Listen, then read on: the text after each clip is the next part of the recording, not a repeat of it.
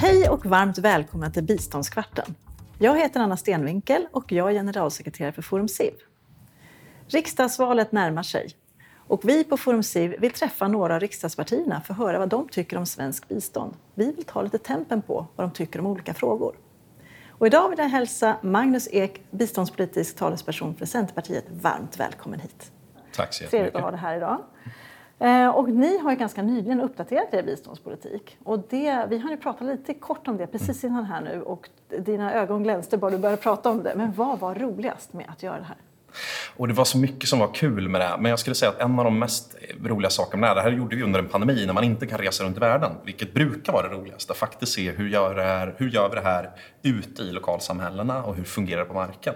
Men det roliga här var att vi fick ju träffa, prata med och intervjua tror jag, snart sagt varenda aktör på biståndsområdet i Sverige. Och det var en oerhörd kunskapsinhämtning att göra det. Och man fick en väldigt bra bild av de olika nyttorna med svenskt bistånd och vad som kanske också kan skärpas. Mm. Så det var utmanande men väldigt kul. Mm. Härligt, så du har en, en bra stabil plattform att stå på nu när du ska fortsätta? Det är väl där vi kommer upptäcka den här mm. kvarten. Mm. Eller hur, härligt. Du, du har några frågor där du ska fylla lite luckor. Om du tar upp de här korten. Absolut. Och sen så läser du början där och sen så fyller du i. Om jag blir biståndsminister då skulle jag eh, påbörja ett arbete för att se vad är det vi kan göra allra bäst i Sveriges biståndspolitik. Det här är en av de stora förslagen som vi har också i vår eh, rapport som vi släppte förra året på biståndsområdet. Att skärpa in på det som Sverige kan göra allra bäst eller det som andra inte gör. Eh, och där har vi en del områden som vi skulle vilja förstärka. Hållbara jobb och eh, fattigdomsbekämpning, grön omställning och klimatanpassning och demokrati och rättsstatsåtgärder.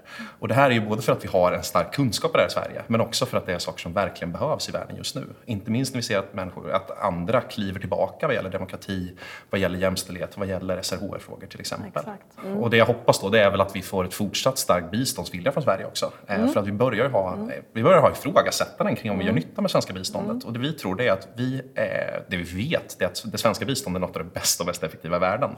Men det betyder ju inte att vi inte kan skärpa det ännu mer och vara en förebild också för andra länder. Eller hur? Här har en viktig roll både du och jag att prata om det, eller hur? Jag tror det. Jag tror vi har en viktig roll allihop att försöka ja. stärka det. Den främsta styrkan i Sveriges bistånd är just den här långa erfarenheten, tror jag. Eh, alltså, vi har ju varit med egentligen sedan vi hade liksom missionstider på 1800-talet så har vi en relation i vissa länder av att arbeta med fattigdomsbekämpning. Och tack och lov så har det utvecklats sedan 1800-talet, tidigare 1900-talet. Vi har ju mm. helt andra saker idag. Mm. Men vi har en erfarenhet och ett oerhört gott renommé. Eh, och just den styrkan i att vara en, erfar, ett, eh, en erfaren kraft för demokrati, för jämställdhet och för hållbar utveckling det tror jag är en styrka som inte bara vi ser utan också många andra. Och det är något som man ofta hör om det svenska biståndet utanför Sverige, att det är uppskattat. Jag tycker att Sverige borde göra mer för att. Eh, och det är det här som är den svåraste frågan att svara på, för det finns så mycket utmaningar i världen, det vet vi ju. Men är det någonting som eh, vi har lyft fram och som jag tror kan vara lite extra viktigt att Sverige gör, då handlar det just om hur vi lyfter alla de hundratals miljoner människor som bor långt ifrån de stora städerna och som är svårast att nå. Alltså, eh, en majoritet av världens fattiga de lever faktiskt i landsbygder. Och de försörjer sig ofta av ett jordbruk som är väldigt basalt och som, de skulle, som det finns en stor utvecklingspotential i. Och jag tror att vill vi verkligen lyfta den breda massan av de som är svårast att nå biståndet, då behöver vi fundera på hur vi stärker landsbygder, hur vi stärker jordbruket. Hur man på ett hållbart sätt kan producera mer och eh, få en bättre avkastning på det. Mm. För det är så vi tar de första stegen på fattigdomsresan. Det vet vi också från när Sverige blev ett rikare land så handlade det om att människor inte bara ägnade sig åt jordbruk för att försörja sig själva utan att man faktiskt började kunna låna, handla och bli företagare och utveckla näringar. Svenskt bistånd gör skillnad. Ett av de bästa resultaten som jag sett av biståndet är, och nu får ni ursäkta för nu blir det mer lantbruk igen här, men den sista resan jag gjorde innan eh, pandemin stängde ner alla möjligheter att resa, det var tillsammans med kollegor i utrikesutskottet till eh, Kenya och Rwanda. Eh, och vi var ute i en by på den rwandiska landsbygden någonstans, jag vet inte knappt vart vi var, långt ifrån Kigali. Och vi var ute hos ett jordbruks en jordbrukarförening eller jordbrukskollektiv i en by där. Eh, alltså, eh, det man skulle kunna säga är grunden till LRF-avdelningarna jag är uppväxt med. Mm. Och det blev så tydligt den praktiska nyttan som biståndet gör när vi ser det här hur ett, sven, ett biståndsprojekt som har fått svenska medel har gjort att de kan köpa in en del ganska enkla jordbruksmaskiner.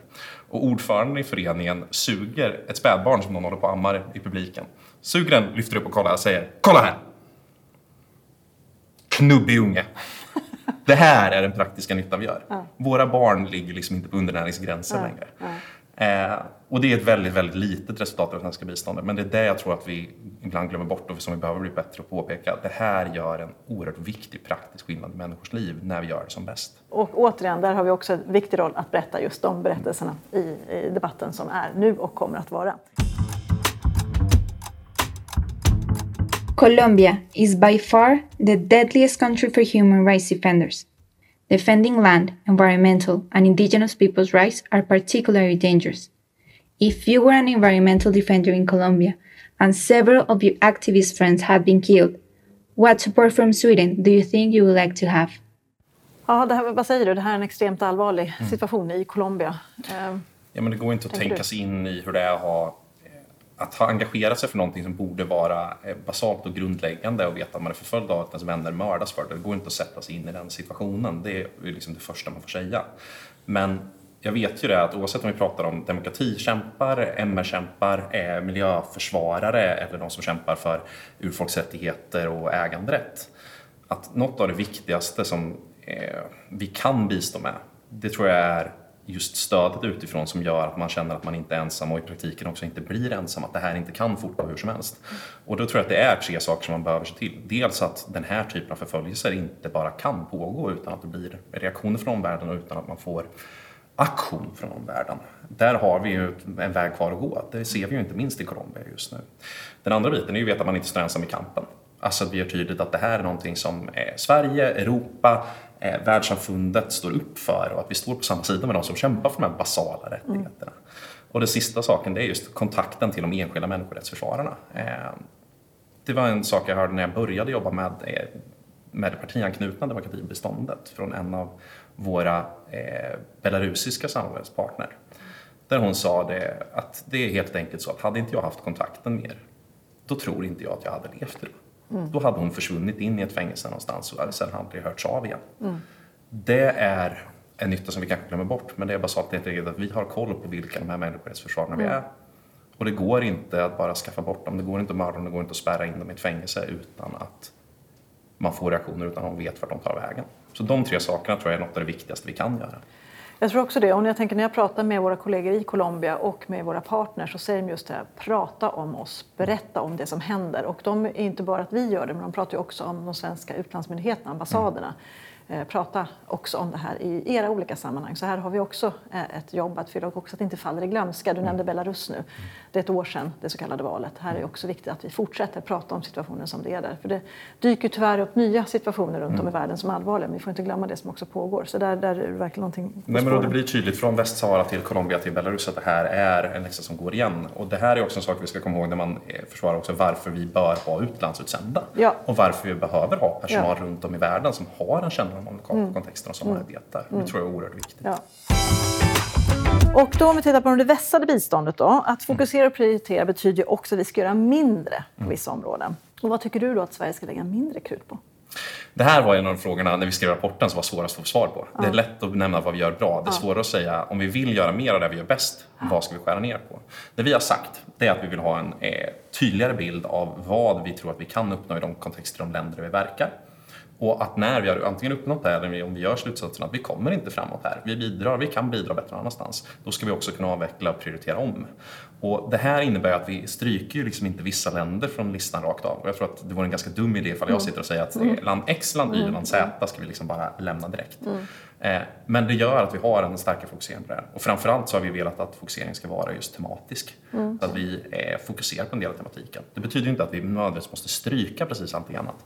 Men att vi över tid också fokuserar mer på det som vi tror att vi gör bäst. Ja. Eh, till exempel också, förutom de områden jag nämnt, så tror vi att jämställdhetsarbetet måste genomsyra där. För där vet vi ju att Sverige och de europeiska länderna är jätteviktiga för att vi inte ska tappa fart där. Det såg vi bara under förra perioden med president Trump att får mm. vi en ny ledare i vissa länder så tappar vi jättemycket mm. i utvecklingskraft. Mm. Och det kan ju gå fort också. Vi har ja. sett Afghanistan och vi ser det på många håll. Så här gäller det också att kunna hela tiden vara flexibel och kunna mm. följa den kontexten som ändras, eller hur? För att vi ska kunna verka så bra som möjligt. Så Precis. är det verkligen.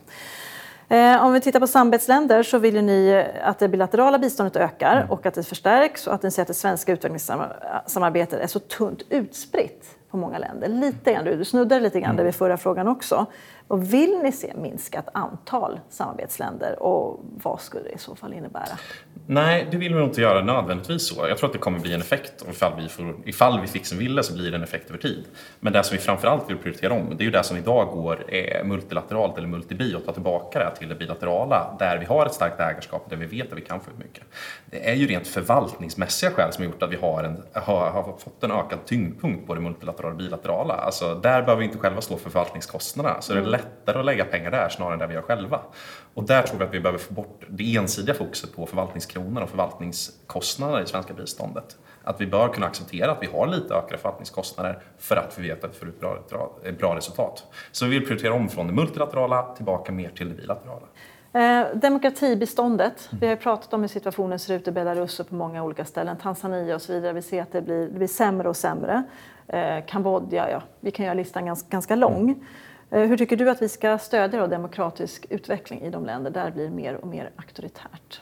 Det här vet vi är jättesvårt och vi vet också att vi har en del länder där vi överhuvudtaget inte har någon stat. Alltså vi har ju hundratals miljoner från eh, Afghanistan till Sahel som lever i eh, samhällen som lever i lokalsamhällen där det inte finns någon central stat eller inte finns någon rättsstat utan man lever under milisgrupper till exempel.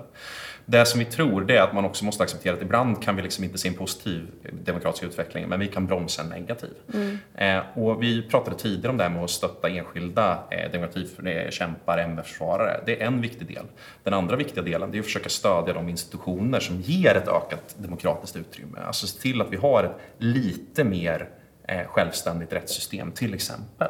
Det öppnar upp ett utrymme för, eh, för de som vill verka för mänskliga rättigheter och för demokrati. Och också civilsamhället är ju viktigt i sammanhanget här, eller hur? Så att också de finns med och kunna hjälpa till med de här frågorna. Eh, sista frågan är utvecklingsfinansiering. Och biståndet är den enda resursen som har fattigdomsbekämpning som sitt främsta syfte. Mm. Men det är bara en av flera viktiga resurser för att finansiera hållbar mm. utveckling. Och det här är något som du också snuddat vid, hållbar mm. utveckling. Vilka förslag driver Centerpartiet för att se till att mer resurser når de mest utsatta och bidrar till en hållbar utveckling. Leave no one behind. Hur eh, tänker ni där? Men det här tror jag är en av de viktiga slutsatserna från Agenda 2030 som vi kanske inte har tagit till oss i svenskt bistånd. Alltså är, världens samlade bistånd kommer inte att räcka för att lösa fattigdomsutmaningarna. Mm. Utan det här måste vi använda för att kanalisera andra ekonomiska tillgångar. Det handlar dels om att se till att vi stoppar skatteflykten från länder. Att man inte kan, att inte korrumperade ämbetsmän kan föra ut pengar eller gynna sin egen livsstil på det som ska gå till att bygga landet starkare och bekämpa fattigdomen. Men sen handlar det också om att vi måste kanalisera andra finansieringskällor från det privata näringslivet och kroka arm med dem där det går och där det lämpar sig. För där har vi också en utvecklingskraft. Till exempel när vi pratar klimatomställning och grön omställning så har vi inte bara en ekonomisk resurs i det svenska näringslivet utan också ett oerhört kunnande som vi skulle vilja kroka in eh, mer. Och där skulle vi vilja se att det blir lättare för den aktör från civilsamhället, näringslivet som vill kroka arm med resurserna från det, stat, från det staten lägger på bistånd. Mm. Att kunna göra det. Att man har en väg in för att kunna säga att vi skulle vilja vara med och göra nytta i den här regionen i världen. Det svenska biståndet och utvecklingssamarbetet behöver inte skalas ner. Det behöver skärpas för att göra än mer nytta. Och det behöver växlas upp med privat kapital och privata krafter för att ännu mer kraftfullt kunna möta de utmaningar som vi ser och som har fördjupats det senaste året. Ja, här eh, pratar du i kammaren om det som vi faktiskt pratade om precis innan också, om samarbete med privata aktörer. Ni vill öka det här. Men finns det några risker med det här som du ser det? Det finns en del risker. Sen framförallt så måste man ju se att det finns områden där du inte har samma potential att växa upp. Alltså när vi pratar om eh, projekt eller eh, insatser för klimatomställning, ja, där kanske vi har en stor potential. Eh, på andra områden, till exempel demokratiarbete, till exempel satsningar för mänskliga rättigheter. Där är det inte säkert att vi har samma möjlighet att växla upp. Så jag tror inte man ska tro att det här är liksom ett Alexanderhugg som löser precis allting. Utan man måste inse att det funkar i vissa delar där vi gör. Och på andra delar, där måste det, det offentliga bära ett tyngre ansvar. Och där kanske man istället krokar arm tyngre med civilsamhället som kommer in med andra resurser än de ekonomiska. Som kommer in med sitt kunnande, med sina mänskliga resurser där. Så jag tror inte man ska överdriva riskerna heller, utan man ska inse att det lämpar sig i vissa lägen och det lämpar sig sämre i andra. Och en viktig del är, det man ska inse att vinsten för det företag som skriver in, det kan ju inte vara att man ska lyfta biståndspengar ur kassan. Utan det handlar ju om att möjliggöra investeringar som annars kanske inte hade blivit av. Att kunna vara med och dela risk och bära risk. Det är där som vi har den riktiga, de riktigt häftiga synergieffekterna. Ja. Spännande. Vi kan väl konstatera just att kroka arm är vi många som behöver göra i de olika sektorerna och kanske också lite gränsövergripande mellan varven med näringsliv, offentlig sektor, civilsamhälle, politiker och, så vidare för att vi ska kunna lösa de stora utmaningarna som vi faktiskt har framför oss. Med detta säger jag tusen tack till dig Magnus Ek för att du kom hit idag och pratade bistånd med oss och tack till alla er som har lyssnat på Biståndskvarten med Forum SIV.